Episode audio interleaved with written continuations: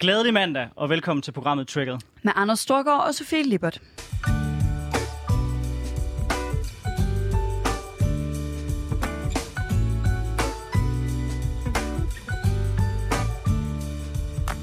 Ja, så er vi tilbage i anden time, hvor vi øh, også skal vende nogle af de store nyheder, øh, der har fyldt øh, i den her, den her uge. Vi havde lige en enorm god debat, synes jeg, øh, hvor vi snakkede om Venstres forslag om at skære på dimittentsatsen øh, for at finansiere den grønne omstilling. Og nu, der kommer vi til at rykke, øh, til, hvad kan man sige, lidt op i helikopteren igen, og, og hvad hedder, snakke om lidt det samme, som vi gjorde i sidste uge, nemlig det, der sker i Afghanistan. Og jeg synes faktisk, det er så vigtigt, så det giver mening, at vi også øh, har to programmer om det, fordi hold da op, var der også sket meget, siden vi snakkede sammen sidst. Der er sket virkelig meget. Sidst var et meget underligt tidspunkt at, at begynde den her debat. Øh, det var jo af god grund i mandags, øh, hvor alt havde ændret sig i løbet af de sidste 24 timer.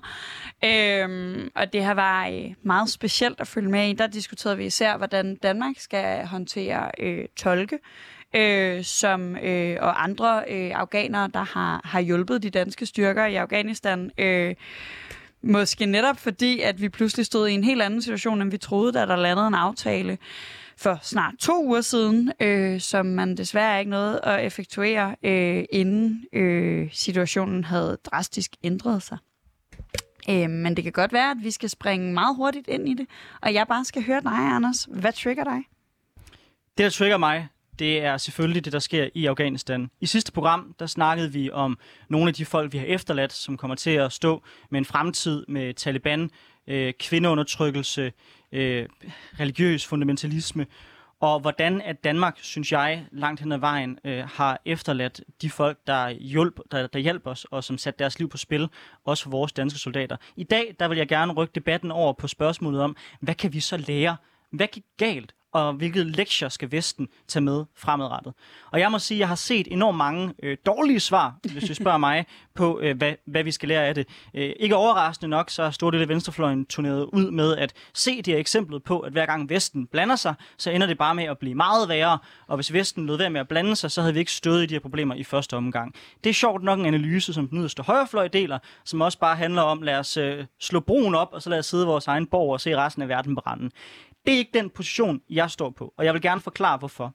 For mig at se, så er verden grundlæggende et spørgsmål om, hvilke værdier det er, der skal dominere. Der er ikke noget eksempel i verdenshistorien på, at kultur bare passer sig selv. Det er hele tiden et spørgsmål om, hvad er det for nogle, for nogle, for nogle værdier, der skal dominere i verden. Jeg mener grundlæggende, at værdier som demokrati, som at hvert menneske har en værdi, der er værd at kæmpe for, kvinder, skal have ret til på lige vilkår som mænd at deltage i samfundet, at det er grundlæggende værdier, som jeg mener, vi har en pligt til at sørge for at skubbe på så meget som overhovedet muligt. Ikke kun for de mennesker, der bor i de pågældende landes skyld, men lige så meget også for vores egen skyld. Fordi jo længere væk fronten med de her debatter kommer, desto mere sandsynligt er det, at vores børn og børnebørn også har mulighed for at bo i en verden, hvor det er de værdier, der er dominerende. Og det er afgørende for mig at se. Fordi hvis du ser på verdenshistorien, så er demokrati desværre kun en lille bitte parentes i en meget, meget lang skrækhistorie om tyranni, totalitarisme og brutalitet. Det er en parentes, jeg mener, vi har en pligt i forhold til at sørge for, at den bliver spredt så meget som overhovedet muligt, og den parentes bliver så lang som overhovedet muligt. Det er for mig at se noget af det allermest afgørende, som vores generation står overfor, det er at sikre, at demokratiet ikke dør på vores vagt. Godt. Hvad gik så galt i Afghanistan og Irak? Men lad os starte med Irak.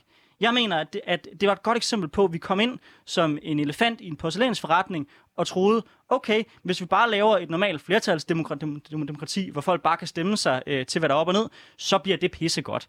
Det går bare ikke, når du har en situation, hvor et mindretal i mange år har siddet på alle magtposter i samfundet, og du har et etnisk opdelt land mellem øh, kurder, shiaer og sunnier.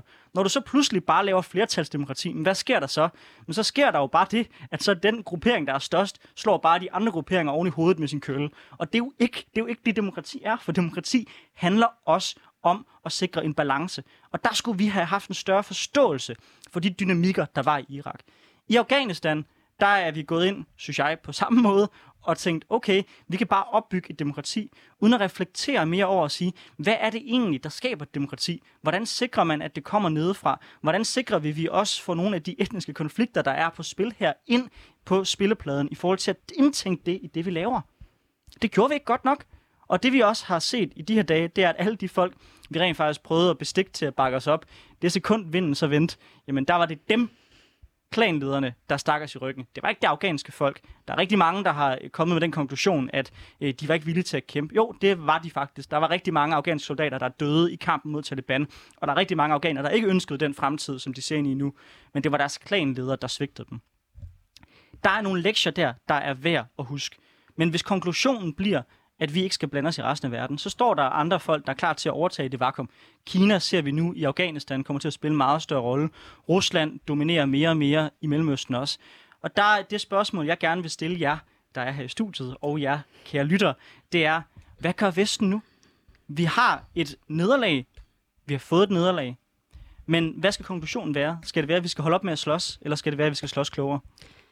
Jeg synes, konklusionen skal være, at vi skal holde op med at slås. Jeg tror ikke på, at der er nogen, der bliver demokrater af, at vi slås. Øhm, og jeg tror, din fremstilling af venstrefløjen vil jeg godt lige øh, sådan, øh, have lov at vende lidt tilbage til. Øhm, det er altid jeg har haft en uge, hvor der er meget, der er venstrefløjens skyld, og hver gang jeg så siger, det synes jeg måske er lidt en øh, fortælling af min problemer, så er det nogle andre, mine holdninger, det, så er det nogle andre fra venstrefløjen.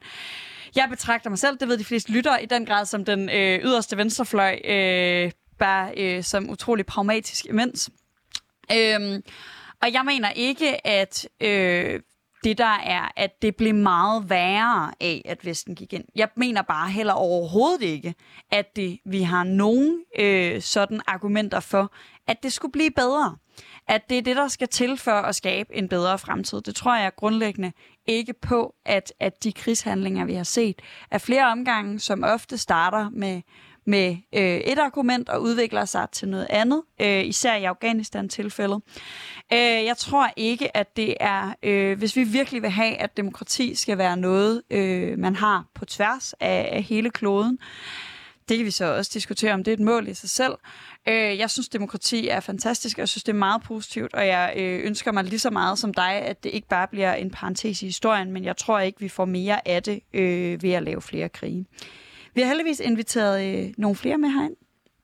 Ja, det har vi. Øh, først så vil jeg gerne byde velkommen til dig, Jonas Plesner. Du er fra Alliance of Democracies, hvor du er direktør. Det er en demokratifond, øh, som oprindeligt er stiftet af Anders Fogh, og som har til formål netop at udbrede demokrati og samle øh, verdens demokratier øh, i sådan en fælles front. Øhm, de her dage, jeg tænker, det må, øh, det må have gjort et stort indtryk. Ja, det har været super deprimerende, ikke? og jo en masse også, øh, jeg har også været tidligere dansk diplomat og sådan noget, konkrete øh, mennesker, man har samarbejdet med og, og kender fra afghanske kvinde NGO'er og så videre, ikke? der lige pludselig ser den fremtid, de havde regnet med, der smuldrer. Så på den måde er det jo, er det jo øh, super øh, hvad hedder, deprimerende. Hvis jeg lige må, øh, tak for din, din indledende trigger, som jeg synes var interessant at høre. Altså jeg tror for mig er afsøgende i her, det gik galt. Det starter øh, under Trump, hvor man begynder at forhandle med Taliban direkte, går udenom den afghanske regering, og dermed delegitimerer den afghanske regering, og dermed også gør, at Taliban, og dernæst giver man dem også en dato, så man giver dem sådan set et ubetinget kapitulation, og de skal de sådan set bare vente og begynde at lave de her aftaler øh, med forskellige kanledere for at få dem til at vinde. Så det er sådan set, fordi netop som du også selv gør opmærksom på, den afghanske regering og militæret har sådan set kæmpet. Siden 2014 rykkede vi ud af aktiv kamprolle som den internationale koalition. Siden der er der op til 55.000 afghanske soldater, der er døde i kamp med Taliban. Og på mange måder, det kan man så diskutere, men gik sådan set udmærket med at holde Taliban-stangen. Så det er klart, at det, at man ser vinden skifter, at det, der også gør nu her, at den øh, afghanske her i sidste instans bare, hvad hedder det, lægger sig ned uden at, at kæmpe, fordi man heller ikke ser, at der ligesom er en politisk ledelse øh, til det længere. Og så den anden øh, kæphest, jeg går til mig og slår lidt ned på, det er den amerikanske debat, den her med Ending the Forever Wars. Nu går det ud på ligesom at afslutte de her. Var der noget, der var så galt med den måde, vi var der i til sidst? Reelt set var det med et amerikansk øh, fodaftryk med 2.500 mand, der ligesom holdt noget stabilitet, og så en USA's garanti. Altså vi har FN-missioner i Kyberen, som har varet i over øh, seks årtier, som vi på en eller anden måde accepterer. Det vil sige, ideen om, at, at det her ligesom skulle gøre den amerikanske befolkning fuldstændig glade for og sikre på, at nu er der ikke ligesom de her få tropper. Man kunne sagtens, altså vi var jo netop rykket ud af den aktive kamprolle, så der, der, der, i den periode siden 2014 er der også døde meget, meget få amerikanske soldater. Øh, og det samme for, for os andre vestlige lande, som kunne sådan set efter min opfattelse godt være blevet, så vil folk sige, skulle man blevet forever. Nej, på et eller andet tidspunkt skulle man selvfølgelig, men, men jeg mener, da den rolle allerede var forandret, var det jo ikke længere den kamprolle, vi havde for, for 10 år siden. Men Jonas, er det, er det godt lidt nemt at sige, at fejlen skete under Trump? Fordi man kan sige, til trods for milliarder, man har investeret i landet, til trods for rigtig, rigtig mange, også vestlige soldaters øh, død, så var Taliban jo på ingen måde slået ned, også før Trump. Så er det, er det ikke lidt nemt bare at pege på den ene beslutning og sige, at det var der, det gik galt? Fordi i virkeligheden kan man jo udfordre dig og, og, og sige, burde Taliban ikke for lang tid være blevet slået i 2014? Jo, men altså Taliban havde et, et, et gennemsted inde i Pakistan, og Pakistan har atomvåben, så det vil sige, at man kunne kun en begrænset omgang. Amerikanerne har gjort det nogle gange, når der har været det, det værd angrebet ind i Pakistan, men, øh, men der har man den udfordring, at, at de ligesom havde et, et, et frit lejde derindefra, og det er selvfølgelig også derfra, at mange af dem er kunne, kunne komme igen. Så, Men kunne man så ikke fra vestens side holde op med hele tiden holde hånden under Pakistan? Det er jo trods alt nærmest USA, der finansierer hele deres militær, så de kan stå i verdens største spil chicken med den indiske her øh, langs den indisk-pakistanske grænse. Så har vi ikke også lidt et fælles ansvar for det? Jo, jo, jo, og det er jo også en stor udfordring i det amerikanske forhold til Pakistan, at man både har øh, CT, altså counterterrorismeforholdet, og man samtidig har ønsket om, at Pakistan ikke bliver, også bliver en fail state i det område og falder, falder fra hinanden. Jeg tænker, at det er tid til, at vi bringer øh, vores anden gæst på banen. Det er dig, Mikkel Skovgaard. Du er forretningsudvalgsmedlem i Rødgrøn Ungdom, så stiller du op til kommunalvalget for Enhedslisten i Københavns Kommune. Øh, vi er jo øh, lidt, lidt aldersspredt herinde, og jeg må indrømme, som 25-årig, der, øh, der har den her krig jo varet for evigt. Øh, jeg har ikke øh, som femårig øh, taget stilling til, om det her det var en krig, jeg synes var en god idé. Øh, det forestiller jeg mig, at jeg ville have sagt nej til, men jeg havde nok sagt nej til de fleste ting. Øh, og du står i lidt samme situation, Mikkel. Den har også varet ret meget øh, hele dit liv. Så det er jo svært at gøre sig klog på, øh, sådan hvad situationen var dengang. Men hvilken følelse står du tilbage med, sådan som, som ung venstrefløj, øh, efter øh, de vestlige styrker har trukket sig ud af Afghanistan? Jamen, jeg står tilbage med en, en ret stor skuffelse, det er sådan set ikke bare på grund af, at de vestlige styrker har trukket sig, men en ret stor skuffelse over det politiske ansvar, jeg ikke synes, der er blevet taget i den her situation. Øh, og, og det stammer jo helt tilbage fra, som du siger, Sofie, en tid, som jeg jo ikke selv kan huske, men som der jo øh, er, er blevet kigget på, øh, i hvert fald i, i den krigsudredning, der er blevet lavet øh, Øh, en skuffelse øh, over, at, at de beslutninger, der blev truffet dengang, ikke blev truffet på et ordentligt grundlag, og at man ikke havde en, en ordentlig demokratisk debat om, hvad det var, man ville, øh, hvad det var, man ville med de krige, man gik ind i, men jo også en skuffelse over, at man nu har brugt 20 år øh, i krig i et land, og at det synes som om, at der ikke er sket noget som helst i den rigtige retning, fordi det hele krakelerer her til sidst. Er du også skuffet over den indsats, vi har set, Jonas? Ja, men jeg er også samtidig positiv over de fremskridt, der er blevet gjort. Altså, Afghanistan er jo et helt andet land i dag.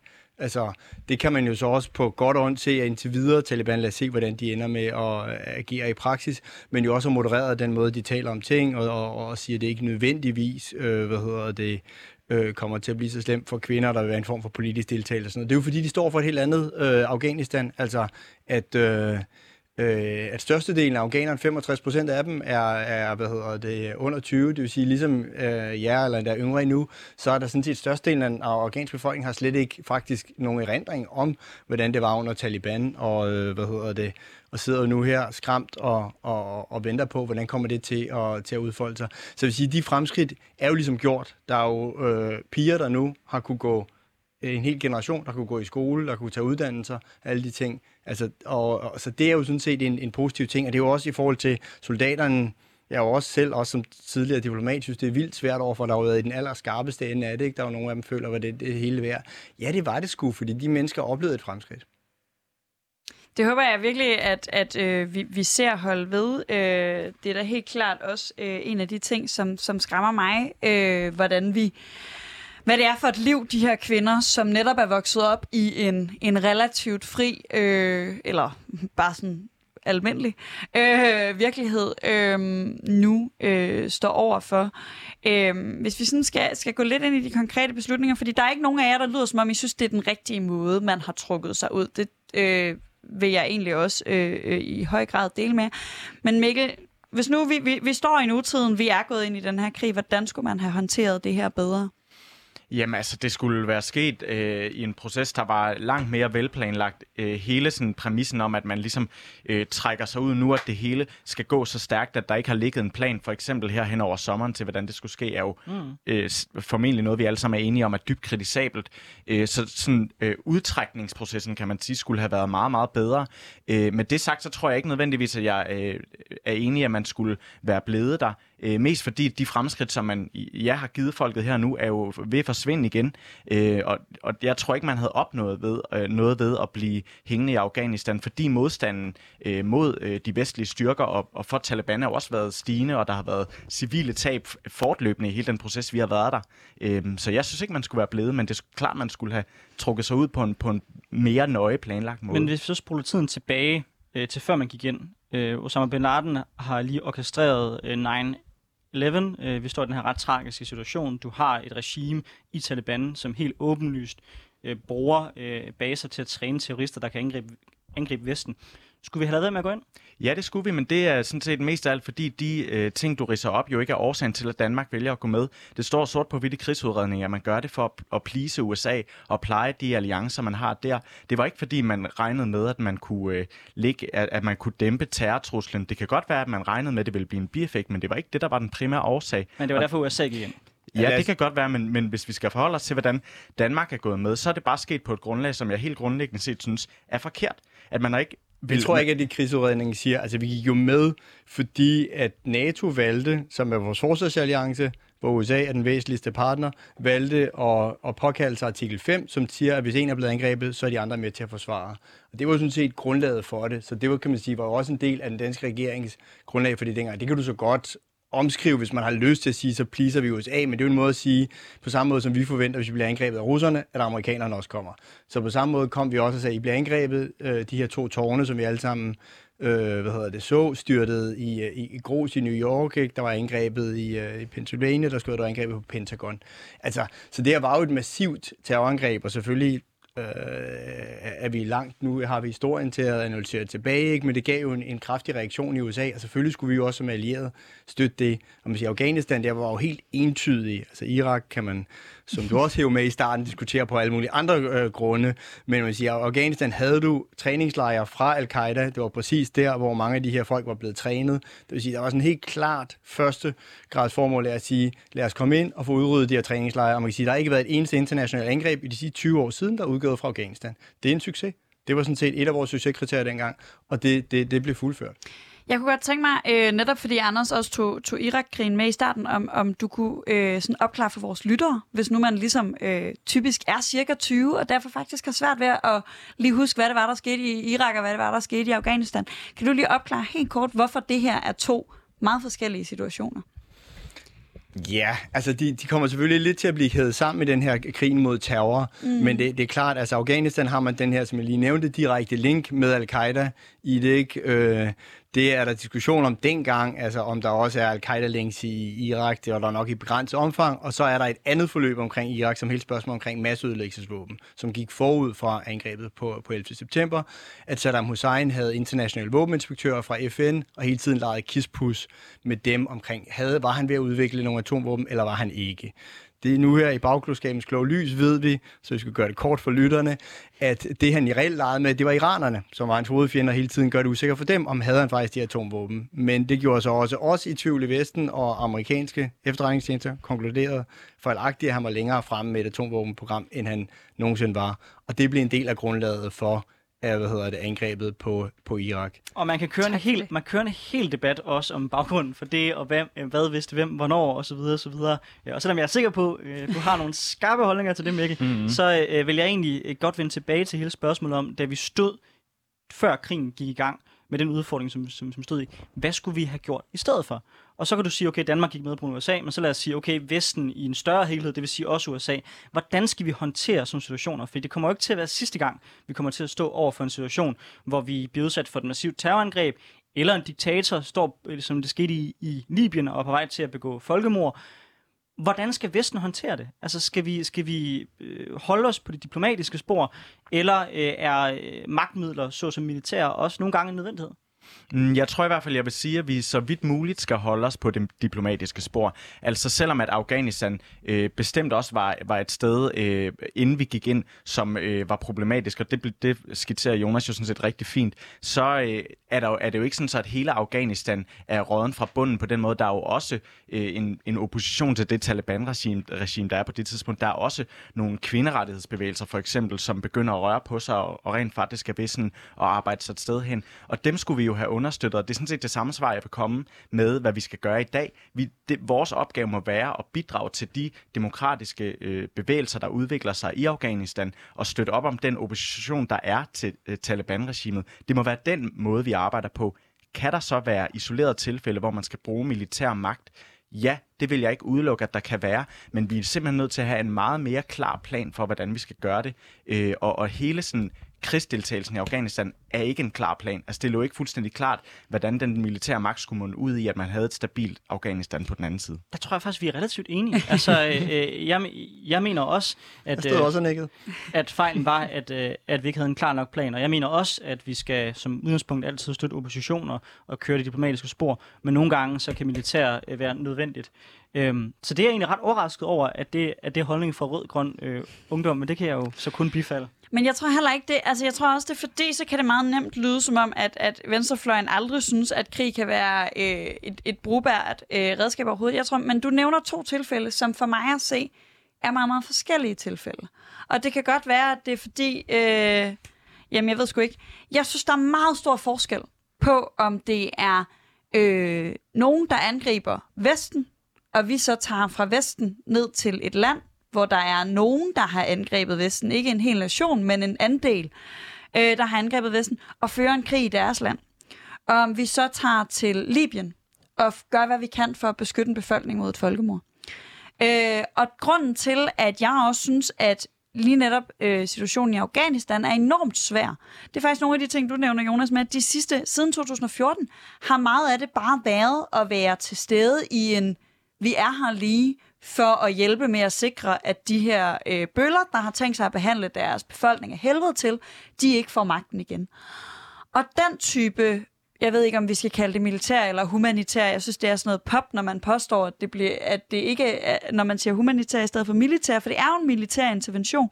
Men den intervention har jeg altså den har du sgu nemmere ved at overbevise mig om, er en god idé, end den der, der hedder, der kom nogen og lavede et forfærdeligt, forfærdeligt, forfærdeligt angreb på Vesten. Nu tager vi ned i deres land og gør hele deres land til vores krigszone. Den synes jeg er sværere øh, at retfærdiggøre, end den, der handler om, vi kan se, der er en befolkning her, der ikke ønsker det her, og som bliver slået ihjel. Dem har vi ressourcerne og overskud til at hjælpe.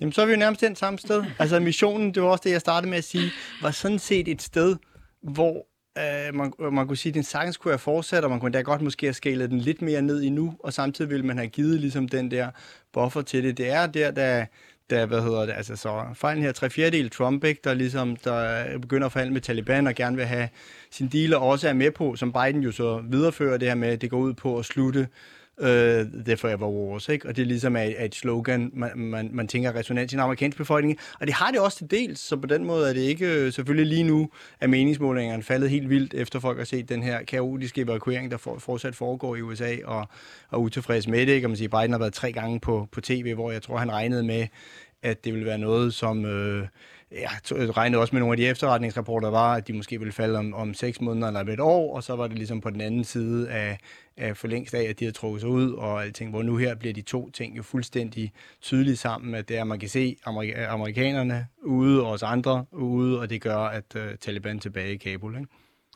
Ja, og, og det leder i virkeligheden meget godt videre til øh, en pointe, jeg synes, der er ret væsentlig, for jeg tror godt, at jeg kan tegne skillet lidt større op mellem os. Øh, fordi selvom at jeg øh, anerkender, at der kan være nogle situationer, hvor man er, er nødt til at, øh, at lave en militær aktion, så en af de store problemer, jeg ser, er jo, at øh, baggrunden for at gå i krig, øh, fordi USA gerne vil i krig, er bare dybt problematisk for mig at se. Det er sådan set fint at, at have alliancer, og det er også fint nok, at man øh, alliere sig med, med stormagter som USA, men USA har jo været uterrenelig i den her krig. Altså, de likviderer en iransk general på irakisk jord, hvilket jo skaber kæmpe usikkerhed for, for danske styrker også. Øh, og, og måden, de trækker sig ud på, synes jeg også bare beviser, at de ikke øh, nødvendigvis nogen særlig gode alliancepartner. Så hvis vi skal bruge militære midler, så bliver det nødt til at være øh, beslutninger, hvor vi har FN med indover, hvor det ikke bare er NATO, øh, der bestemmer sig for, at nu er der øh, en, en irakisk, eller ikke en irakisk slårolle, en øh, terrororganisation, der har angrebet USA. Derfor må vi gå i krig i Afghanistan. Altså, for mig at se, så er det utopi, fuldstændig utopi at tale om FN. Altså, FN er et fremragende samtaleforum og fremragende til at løse nogle meget, meget, meget få tilfælde, hvor hele verden er enige. Men når du har en situation, hvor der sidder diktaturstater som Rusland og som Kina og har veto, altså så held og lykke med at sikre et FN mandat. Hvis det kommer, så er det, fordi det er så ukontroversielt, at der ikke er nogen, noget problem i første omgang. Fordi Kina og Rusland har nogle klare interesser i, at man ikke skal blande sig, også selvom det gælder folkemord. De blokerede også, for at man kunne gribe ind for alvor i Libyen. Øh, fordi at, øh, det er jo sådan en indblanding i et lands interne Libyen gik faktisk igennem Ja, så men de, de, de, de, hvad hedder det, bagefter fortrød de det rigtig meget, men de afstod jo begge to fra at stemme på FN-resolutionen. Det gjorde, det var faktisk den FN-resolution, vi brugte, som, som, yes, som bemyndigede også... regionale organisationer til, at NATO havde ret til. Så sagde de bagefter, at det var slet ikke det, de havde sagt ja til. Men grundlæggende det var det heller ikke. Var, det var, var det, det en, inden for et FN-mandat.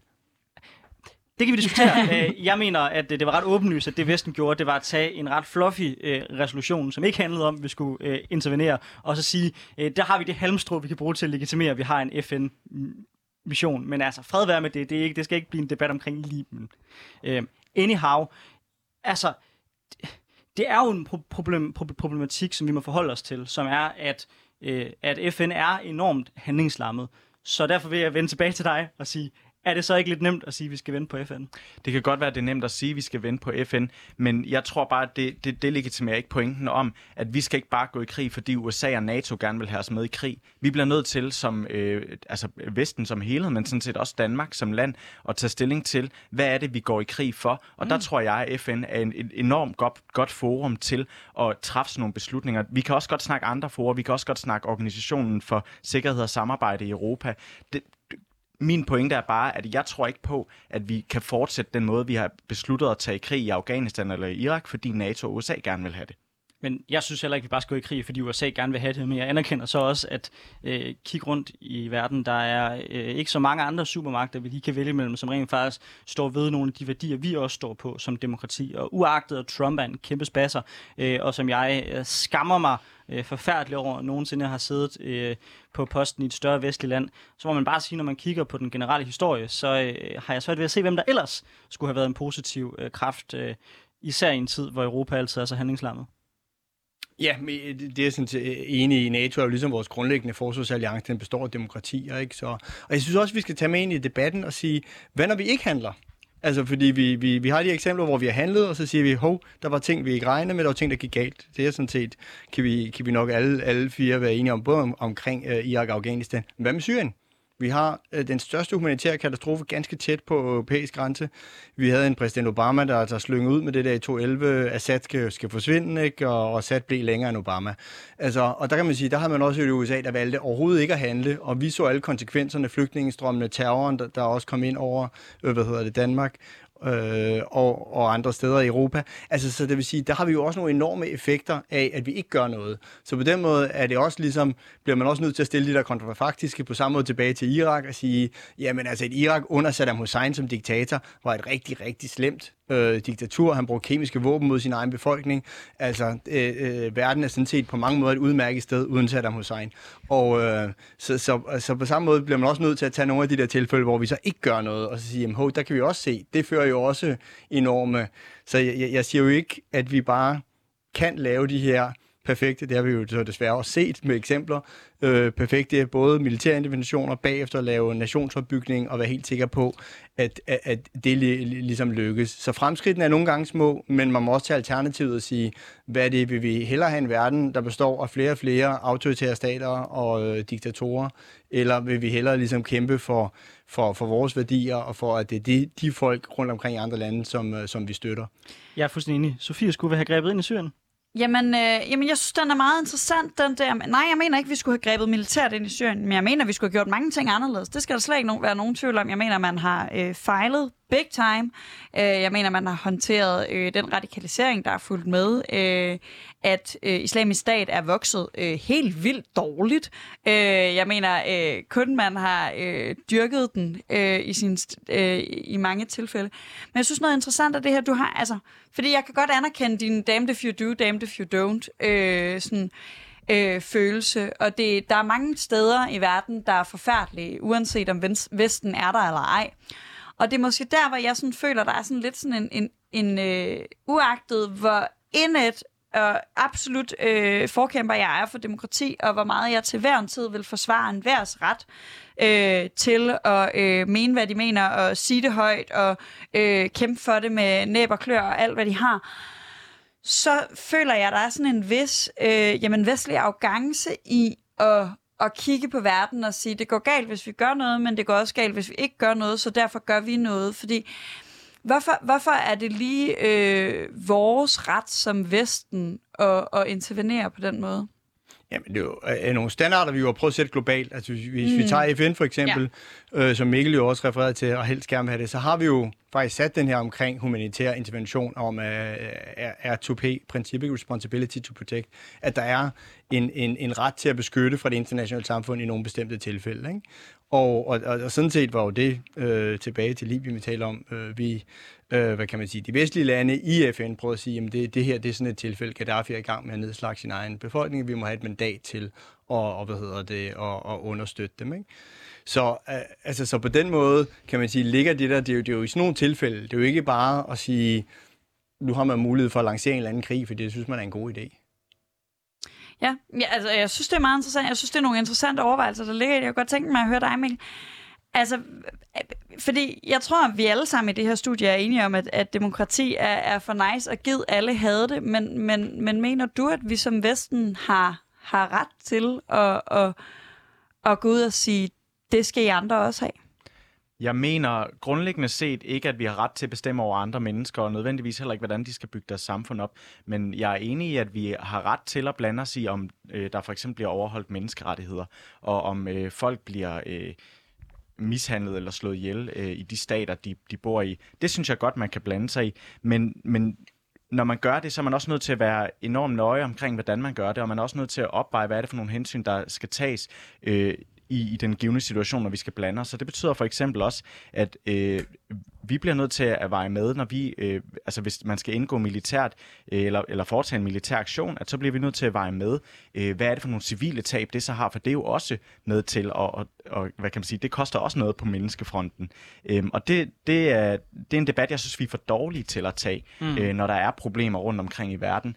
Øh, og også for dårlige til at tage sammen med nogle af de parter, som øh, på en eller anden måde er meget mere involveret i konflikten. For eksempel, hvis der er øh, oppositionsdele i et samfund, eller hvis der er nogle organisationer, som øh, slås og kæmper for menneskerettigheder. Ligesom tage dem ind, ind som en del af debatten, øh, og lad, lad deres holdning også farve, hvordan vi forholder os i Vesten til sådan nogle situationer. Det tror jeg, der kan være en god pointe i. Øh, men jeg vil prøve at gribe lidt fat i, i den grundlæggende præmis, som jeg synes, øh, dig, Sofie, og dig, Mikkel, sætter, som er der, hvor jeg kun ikke er uenig, og som jeg tror er et udtryk for, at vi i Vesten har været meget store og meget magtfulde meget længe. Det er ideen øh, mellem altså, hvilken ret vi har til at blande os i andre lande. Fordi det er som om, at der er et udgangspunkt, der hedder, at lande ikke som sådan blander sig i forhold til hinanden jeg kan bare ikke se, når jeg kigger på verdenshistorien, på et eneste tilfælde i verdenshistorien, hvor der ikke har været en eller anden stormagt, en eller anden civilisation, der har været dem, der ligesom har sat præmisserne og skubbet på i forhold til, hvilke værdier, der skal være dominerende. Så for mig at se, så er det, så er det en forkert analyse af, hvordan udenrigspolitik fungerer. Det er ikke et spørgsmål om at blande sig eller ikke at blande sig. Det er bare et spørgsmål om, hvem skal blande sig, og hvem skal få lov til at sætte spillepladen. Hvem skal sætte præmisserne, vi arbejder ind under. Og der har, jeg det, der har jeg det sådan, at der synes jeg faktisk, at de værdier, vi står for, er værd øh, at kæmpe for, og også sikre, at det er dem, der dominerer. Og hvis Vesten bare trækker sig tilbage, og ikke længere skubber på for vores værdier, og prøver at presse alt, vi overhovedet kan i den retning, jamen, så kommer kineserne og russerne og prøver at presse deres værdier frem. Og det er bare ikke en verden, jeg heller vil leve i. Så for mig at se, så er der ikke det alternativ, der hedder, vi skal ikke blande os. Det er bare et spørgsmål om, sådan, hvordan selvfølgelig vi kan gøre det på den klogest tænkelige måde, men, men vi kommer ikke ud nogensinde i en, i en situation, hvor der ikke er en eller anden civilisation, der prøver at sætte deres præmis. Og der er heller ikke noget alternativ for os til USA som den ledende demokratiske supermagt, som vi både er, er, forsvarspolitisk allieret med og værdimæssigt lige så. Ikke? Men en ting er spørgsmålet om, hvem der blander sig. Det er jo også et spørgsmål om, hvordan vi blander os. Og der synes jeg, vi har været for dårlige til bare at øh, følge USA's linje, som efter min mening jo også i høj grad er indrigspolitisk baseret, at der er et terrorangreb i USA, og så har man behov for at vise, at man gør noget ved det, og det gør man så ved at øh, gå i krig i Afghanistan på, på en, en præmis, jeg grundlæggende set ikke synes er øh, veldiskuteret nok. Øhm, så, så det spørgsmål synes jeg er centralt at med, hvordan er det, vi så blander os? For jeg er jo ikke imod, at man blander sig øh, i andre landes øh, sådan måde at behandle mennesker på, men vi er nødt til at gøre det på en måde, der ikke bare er at gå ind og forsøge at kappe hovedet af al-Qaida, og så viser det sig, at hov, det lykkes åbenbart ikke alligevel. Så skulle al-Qaida bare have blevet lov til at blive siddende i Afghanistan?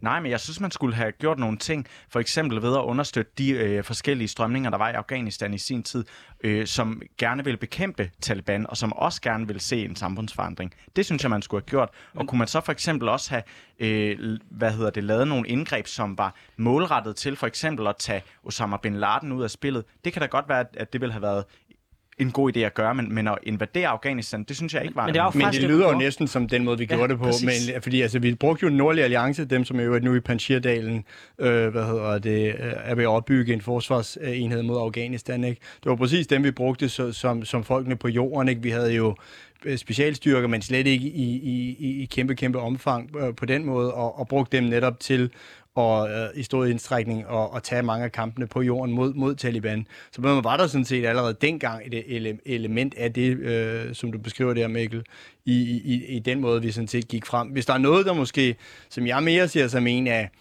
arvesynderne også i Afghanistan, så er det, at man bliver så optaget af Irak lige bagefter, der gør, at man sådan set glemmer Afghanistan i nogle år, og så er det først i 6-7, man faktisk begynder med hele projektet med at sige, jamen hov, vi skal også ligesom jo tænke på genopbygning, og hvordan kan vi egentlig forlade det her i... Øh, og så har man forskellige andre faser har man The Surge under Obama, som jo er meget interessant. Obama, der ellers blev valgt som præsidenten, der skal stoppe, stoppe krige og trække USA ud af Irak, men jo vælger jo at øge troppeantallet i Afghanistan og sige, nu bliver vi nødt til at slå Taliban effektivt tilbage, og så begynde en plan for, at afghanerne kan gøre det her selv fremover. Og igen, tilbage til det der. Det var sådan set nået et meget godt sted i 2014 med et afghansk samfund, der udviklede sig.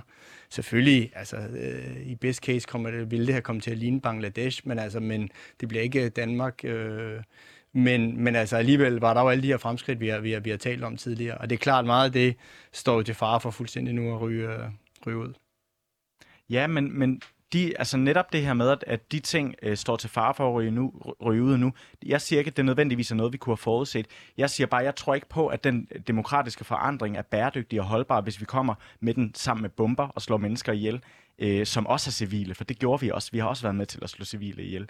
Øh, og den langvarige indsats, der har været i Afghanistan, hvor at der ja, hvis nok er sket fremskridt undervejs, men hvor der også har været øh, stigende modstand mod øh, de vestlige styrker, er jo med til at understrege, at en, en 20-årig krig i Afghanistan kan måske nok skabe forandring, mens vi er der, men den er godt nok sårbar. Den falder formentlig også sammen, fordi udviklingen ikke er sket bæredygtigt og er sket blandt andet med de mennesker, der er der. Fordi ja, den, den nordlige alliance, dem har vi brugt, men den nordlige alliance brugte jo også bøllemetoder i, i borgerkrigen i Afghanistan. Så det er jo ikke nogen nødvendigvis særlig gode fædre, vi har Men når du slås med der. Taliban, så kan du ikke komme udenom at bruge bøllemetoder. Altså, det, og, og det er der, hvor du fuldstændig taber mig. Det er, altså, der havde jo aldrig været et scenarie, hvor den nordlige alliance, eller en demokratibevægelse, eller, hvad ved jeg, afghanske kvinder, der er gået på gaden, der kunne have fået Taliban, mens de står der med skydevåben, til at, til, til, til at sige, ved du hvad, det var sgu et godt argument, du havde der. Jeg må hellere sænke min våben, og så gå hjem og passe min mark. Altså, det var ikke sket. Altså, når vi har at gøre med så brutale, totalitære bevægelser som Taliban, så var de klar til at bruge våben. Og så det eneste spørgsmål, det er, er du så klar til at bruge våben mod dem også? Men det er jo ikke nødvendigvis et spørgsmål om, jeg er klar til at bruge våben mod dem. For for mig at se, er det lige så meget et spørgsmål men du om... kritiserer også den nordlige alliance, som også gjorde brug Nej, af jeg kritiserer, at vi valgte at samarbejde med den nordlige alliance og satse på, at det var det, der kunne skabe en bæredygtig forandring i Afghanistan. For jeg tror på, at man skulle have støttet op om den opposition, der var til Taliban med fredelige midler, og så kan det godt være, at det vil munde ud i, at der vil være konflikter, som også blev øh, militære. Det alene af den grund, at Taliban står med gevær, som du siger, vil jo nok give anledning til det. Men hvis man kan skabe en øh, opbakning langsomt helt sikkert langsomt, ja, det vil det komme til at blive, men sikkert og bæredygtigt mod et Afghanistan, som rent faktisk gerne ville et andet samfund, end det Taliban vil, så tror jeg også på, at den anden ende af konflikten havde set bedre ud, end Men den almindelige tali- tali- uh, afghaner vil jo heller ikke Taliban. Altså, uh, Præcis. De, de meningsmåler, man, man, man ser og har været op til, er jo, er jo hvad har jeg set, 19-20 procent, ikke, som, som, som støtter Taliban. Så, så det er jo også en virkelighed, de har fået trukket ned overhovedet nu, almindelige afghanere. Der er jo masser af folk der, og som jo også nu her går frygter for, hvordan øh, virkeligheden ser ud, der har startet øh, øh, kritisk journalistik, der har, der har startet øh, LGBTQI-bevægelser øh, øh i Afghanistan, der har startet kvinde og alt sådan noget, ikke? Og er nervøse for, hvordan, hvordan kommer fremtiden nu til at se ud, ikke? Øh, for det, og, og det er jo klart, de vil jo ikke specielt have, have Taliban til magten, så det er også noget, der er blevet trukket, kan man sige, ned over hovedet øh, hvad hedder det, på dem, så det er jo ikke, fordi de har fået den regering, øh, største af befolkningen ønskede eller fortjente med det her. Nej, lige præcis. Men derfor tror jeg også godt på, at man kan skabe forandringen, uden at Vesten skal gå ind militært og forsøge at hive tæppet væk under Taliban. For der er jo netop folkelig op, eller der er netop ikke folkelig opbakning til Taliban. Øh, og det tror jeg godt, man kan dyrke og bistå og være med til at hjælpe øh, frem det fremskridt, uden at man behøver at gå ind militært i et land. I hvert fald på den måde, vi Men Taliban er en militærbevægelse, der er enig med Anders at sige, altså så, så som kvinde jo har du meget lidt at gøre nu, hvor, hvor de har overtaget, og, og, og under deres overtagelse, så er det jo et militær, der skal til for at bekæmpe dem. De er jo en herenhed, øh, der, der hvad hedder det, nu har overtaget øh, Taliban, så, så, så jeg har også været ved at se, hvordan hvis man bare, og det håber jeg, vi kan blive ved med, måske også under Taliban i forskellige former at støtte øh, hvad hedder det, nogle af de progressive kræfter i landet, ikke? men men det er da, det er da klart, de har, de har også brug for nogen, der kæmper for dem, altså militært. Jeg tror i hvert fald, at hvis der er en ting, vi kan blive enige om i det her studie, så er det, at uh, Taliban er, er øh, ikke så nice, for at sige det på godt jysk. Uh, tusind tak, fordi I ville tage den her debat med os. Uh, jeg håber personligt, at den her samtale fortsætter uden for det her radiostudie, og at vi i hvert fald ikke øh, lige meget, øh, hvem man var mest enig i, holder op med at tale om det, fordi jeg tror ikke, der er nogen, der får noget ud af, at vi øh, går ind i en krig igen, som ikke er blevet grundigt debatteret og belyst. Så vi siger tak til dig, Mikkel Skovgaard Hansen. Du er forretningsudvalgsmedlem i Rød Grøn Ungdom og kommunalvalgskandidat øh, for Enhedslisten. Jonas Plassner, du bliver lidt endnu, øh, men tusind tak, fordi I ville tage debatten med os.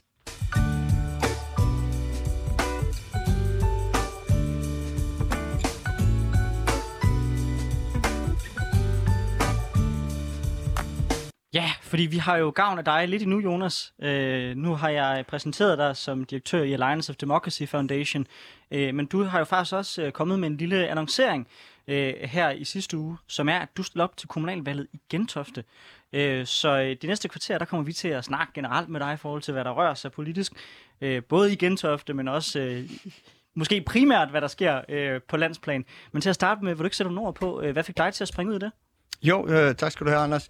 Jamen, det er faktisk en meget god sammenhæng med det, vi lige har diskuteret, situationen i Afghanistan, demokrati, hvad gør man for at fremme det. Det har jeg jo både som, som øh, ansvarlig her i Alliance of Democracy Foundation arbejdet på en del år, der har jeg også som selv som dansk diplomat synes var en af de, de vigtige målsætninger og i vores, vores udenrigspolitik og i forskellige andre funktioner. Så på den måde har det på det internationale ligesom en stor del af mit liv. Øh, men så er det jo så tit der, man siger, jamen folk skal, det har vi også lige haft her i debatten med Mikkel, jamen lokalt skal folk gøre mere.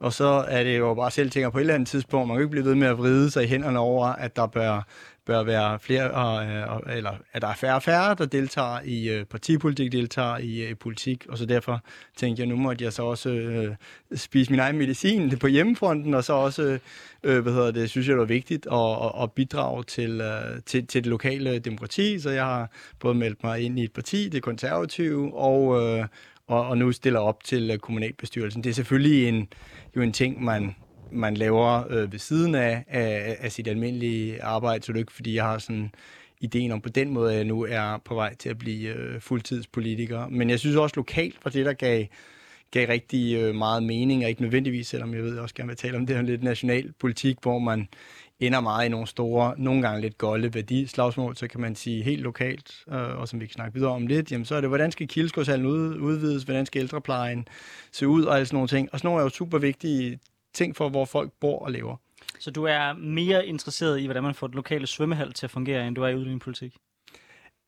Ja, fordi at det kan du sige, det er jo det, der er, er afgørende for, øh, for, hvad hedder det, for Gentoftes øh, vælgere. Det er jo ikke, det er jo ikke udlændingepolitik, der afgør kommunalvalg. Det er jo netop, hvordan er de lokale forhold i øh, kommunen. Ikke? Og det er også derfor tit, at øh, min opfattelse, nu har jeg ikke selv prøvet at, at, at være det før nu, at kommunalpolitikere også ligesom bedømmes på en lidt anden skala efter, jamen, er der blevet leveret resultater i, øh, i, i kommunen, ikke? og det er også derfor, man tit ser de her tværfaglige samarbejde, og det er også en af de ting, jeg godt har kunne lide ved de konservative i Gentofte, er, det sådan en relativt socialkonservativ vinkel, der har været i mange år under Hans Toft, og der har været et bredt samarbejde med Socialdemokratiet, øh, Venstre og Radikal, og sådan set alle, alle partierne omkring budgetforlig, og man har ikke gået efter at efterligne Christiansborg mellem sådan en rød og, og blå blok, men mere sagt, hvordan kan partierne samarbejde med alle deres forskellige mærkesager om egentlig at gøre det her til en god kommune at bo i. Det synes jeg er, er dejligt at høre. Jeg øh, har selv meget samme forhold til kommunalpolitik, men bor pt. i en by, jeg i hvert fald ikke skal sidde i byrådet i. Øh, men øh, har faktisk lidt et forhold til Gentofte. Var der i lørdags, var i biografen, var ude at drikke en drink, øh, fordi jeg har arbejdet på øh, et, et gymnasium i Gentofte. Forhåbentlig Gentofte Kino og Oles Hus. Jamen lige præcis. Ja, ja det er der godt at jeg, høre. Øh, der havde fået gavekort til fra den HF, jeg arbejdede på, da jeg ligesom stoppede der. Øh, dejlige steder, dejlig by. Øh, vi snakkede meget om, øh, min veninde havde ikke været i Gentofte før. Fantastisk øh, at være i sådan sin egen lille by, så tæt på København og alle sådan nogle ting. Øh, og det her, det skal ikke blive et program, der kun er interessant for folk, der bor i Gentofte, men jeg kunne alligevel godt tænke mig, hvad er det, der skal gøres bedre i Gentofte? Hvad er det, der du drømmer om, at du kan bære ind i det byråd, øh, jeg ved ikke, om man kalder det en kommunal bestyrelse eller et byråd i Gentofte, øh, som, hvad er det for en forandring? For jeg, jeg har sådan en antagelse om, at der er ikke nogen, der engagerer sig i politik, hvis ikke det er, fordi der er en forandring, de drømmer om. Så hvad er det for en forandring, vi skal se øh, kommunalt i Gentofte? Klar. Altså et øh, er jo er du som konservativ, så er der også en vis god mængde af kontinuitet i og med, at kommunen er ret veldrevet og har været det i, i, i rigtig mange år. Og de konservative har været den ret unikke situation at have det her absolute flertal, man så har forvaltet efter min mening ret fornuftigt ved, at man laver det her tværpolitiske samarbejde alligevel og siger, vi, vi sidder så ikke bare og bestemmer alting selv, men man prøver at få de andre partier med ind i det. Så den tradition, kan man sige, har været der i 28 år under Hans Toft, og regner med at fortsætte under øh, Michael Fenger. De ting, jeg selv gerne vil, vil gøre noget for, var et, øh, det sportslige Gentofte. Jeg er i øh, den øh, bestyrelsen for den lokale triathlonklub og, og laver en masse aktiviteter der, og synes, øh, sport er en rigtig vigtig ting for, for kommunens borgere, og særligt for vores unge, nu her efter corona, at komme ud, komme i gang igen, komme i gang i, i, i klubberne. Øh, og øh, så det er sådan en af de ting, jeg rigtig gerne vil gøre med noget for. Så det andet er det frivillige Gentofte, og og det er måske også mere lidt som personligt eksempel, for det er ikke nødvendigvis noget, du sidder og bestemmer ind på rådhuset. Det er at sige, det er jo en, en rig kommune, rig på ressourcer, rig på dygtige mennesker. Jamen, så skal vi også vise det. Øh, der er måske noget fra både i USA i mange år, at tage med hele deres filantropiske tradition og sige, lad os fostre så mange private initiativer så, som muligt og, og støtte dem. Så det gør hver gang, jeg ser et eller andet godt initiativ der i, øh, i sidste uge, hvor jeg går med en, en ung fyr, Patrick, som går hele Danmark rundt øh, mod unges øh, ensomhed, som eksempel på det, og så tog op til Holte og gik med ham ind, øh, ind mod byen. Så hver gang jeg ser sådan nogle, sådan nogle ting, så prøver jeg at, hvad hedder det, øh, at støtte øh, det lokale. Og så det tredje er det internationale Gentofte. Øh, jeg har jo selv en, en international baggrund og har boet rundt på tre forskellige kontinenter, og selv øh, dansk-fransk af baggrund. Og, øh, og Gentofte har faktisk den, den, en af de virkelig store andele af internationale medborgere. Det er ikke kun ambassadører øh, og pærepiger, der er også masser af, af, hvad hedder det, af forskere og andre, så, så det er faktisk næsten op til, til 10 procent af kommunens øh, Øh, og, og det kunne jo være skønt, hvis de også øh, blev mere engageret, også i kommunalpolitik for i øvrigt. Nu tager du selv lidt hul på den, det her med, at øh, Gentofte jo er en ret rig kommune, øh, og der er lige kommet undersøgelser ud, som viser, det generelt øh, på landsplan, at, øh, at øh, 42 procent af de studerende bruger hele deres øh, SU øh, på deres husleje.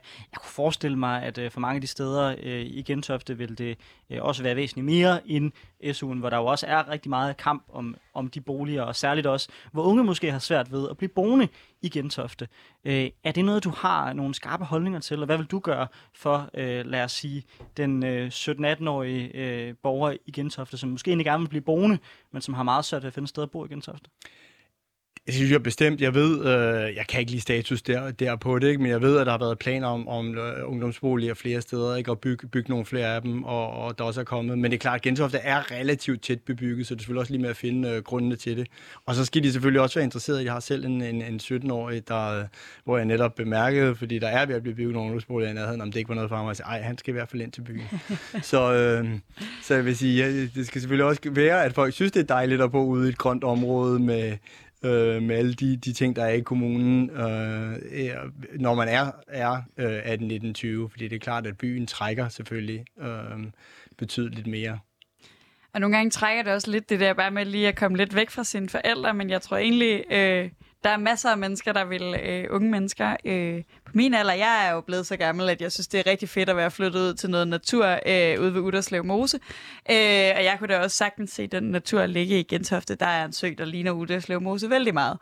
Øh, lige... Gentofte sø, den er, det, det er en skøn sø. Dejligt ja. sted. Og jeg tror så bare lige sådan, så folk forstår, at det her, det er ikke fordi, jeg sådan tænker, at nu skal du bare have en platform til at stå og sige alt det, du drømmer om, men det er også for at gøre klar for vores lytter. Hvad er det egentlig, man kan rykke på kommunalpolitik? Jeg synes, du nævner enormt mange gode ting. Øhm, men jeg synes også, det er interessant det her netop med, fordi du nævner de internationale borgere. Er det vigtigt for dig, at øh, Gentofte bliver ved med, eller er overhovedet, måske bliver i højere grad, fordi nu nævner vi de unge, de har helt klart svært ved at bo i Gentofte, det er en dyr kommune. Øh, og og en af de få kommuner rundt om København, der er lige så dyre som København, og derfor sjældent der, man søger hen, hvis det er, fordi man leder efter noget billigere. Øhm, er det vigtigt for dig, at Gentofte er en blandet kommune? Er det vigtigt for dig, at, øh, at man gør noget for, at ja, der er mange internationale, de unge også er der, de gamle virker det til, I har, øhm, men, men at, at der er en, en, en øh, at, at alle, der har lyst til at bo i Gentofte, kan bo i Gentofte. Fordi det er tit sådan en slogan, folk går til kommunalvalg med, men, men, men er det en prioritering for dig, og hvad er det, man skal gøre ved det?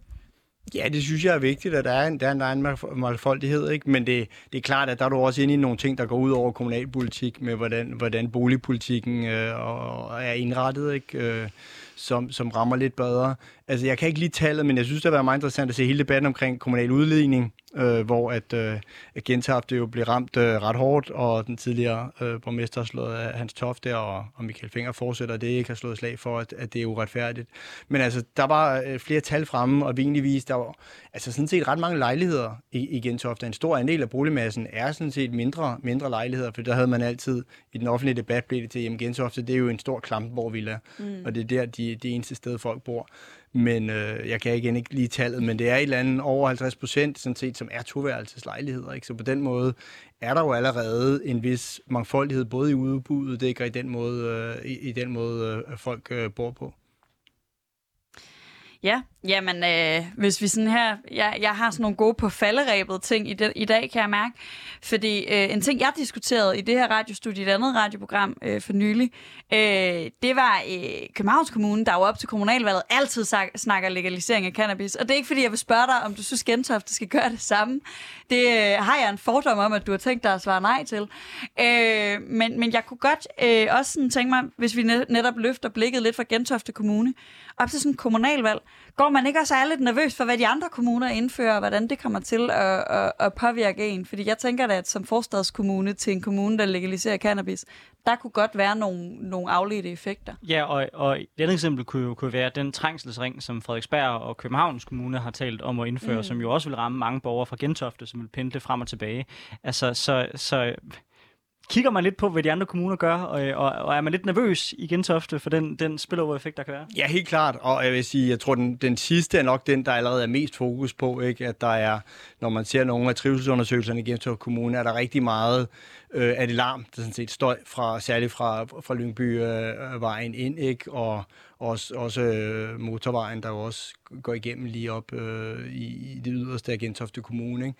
Så det er faktisk en af de ting, som... Øh, som, øh, som folk klager ret meget over, og, øh, og, og synes, og der, der er så et, længerevarende diskussioner, ved jeg, mellem hvem der så er, fordi noget af det er jo kommune, noget af det er stat og så videre, hvem der skal dække og lave de her forskellige støjværn. Ikke? Øh, så det tror jeg helt klart er, er, er noget af det, man, man følger. Legaliseringen, det, det, det, det, det kan godt være, jeg har ikke lige hørt om det, som, øh, og noget, og nu er det også kun et diskussionspunkt endnu i København, men det er da helt klart, det vil da sikkert gøre en udfordring af selv. Øh, som jeg nævnte tidligere, boet i USA en del år, været i Colorado og set deres legalisering, og der er det jo klart, der har du de samme udfordringer, det der med, hvad så med staterne, der ligger lige op til, så kan enten politiet stå klar på den anden side af, af grænsen i, uh, i, i Kansas og Wyoming, eller også kan de bare sige, okay, øh, det, det slipper sig ind øh, over fra, øh, fra hvad hedder det, Colorado. Så selvfølgelig vil det være en, en, en udfordring, hvis man har det ene i, i, i den ene kommune. Det er der ikke nogen tvivl om. Øh, jeg håber, I synes, det var interessant at lytte med. Altså, jeg tror ikke, det er sidste gang, vi kommer til at hive folk ind og prøve at høre dem om, hvad de tænker for vores kommunalpolitik. Fordi der jo ikke er særlig lang tid til, vi skal til kommunalvalget. Øh, og det betyder virkelig meget på ret mange punkter. Det synes jeg også, den her debat øh, bærer præg af. Så tusind tak, fordi du kom øh, og forklarede os i hvert fald både om din holdning til demokrati i Afghanistan, men også lidt omkring, hvad der rører sig, hvorfor du synes, kommunalpolitik er vigtigt. Ja, vi øh, er tilbage næste uge kl. 10-12. Det er som sagt hver mandag. Øh, lige om lidt, så kommer der nyheder. Synes du, det var fedt med en masse politisk debat, så kan du altid finde øh, alle tidligere afsnit af Triggered øh, på din yndlingspodcast-platform. Det havde jeg meget svært ved at sige sidste time. Noget, du ikke har hørt sidste time, så handlede det om finansiering af klimakampen. Det øh, kan vi klart anbefale, at du giver et lyt, og så håber vi bare, at vi lyttes ved øh, på mandag kl. 10-12.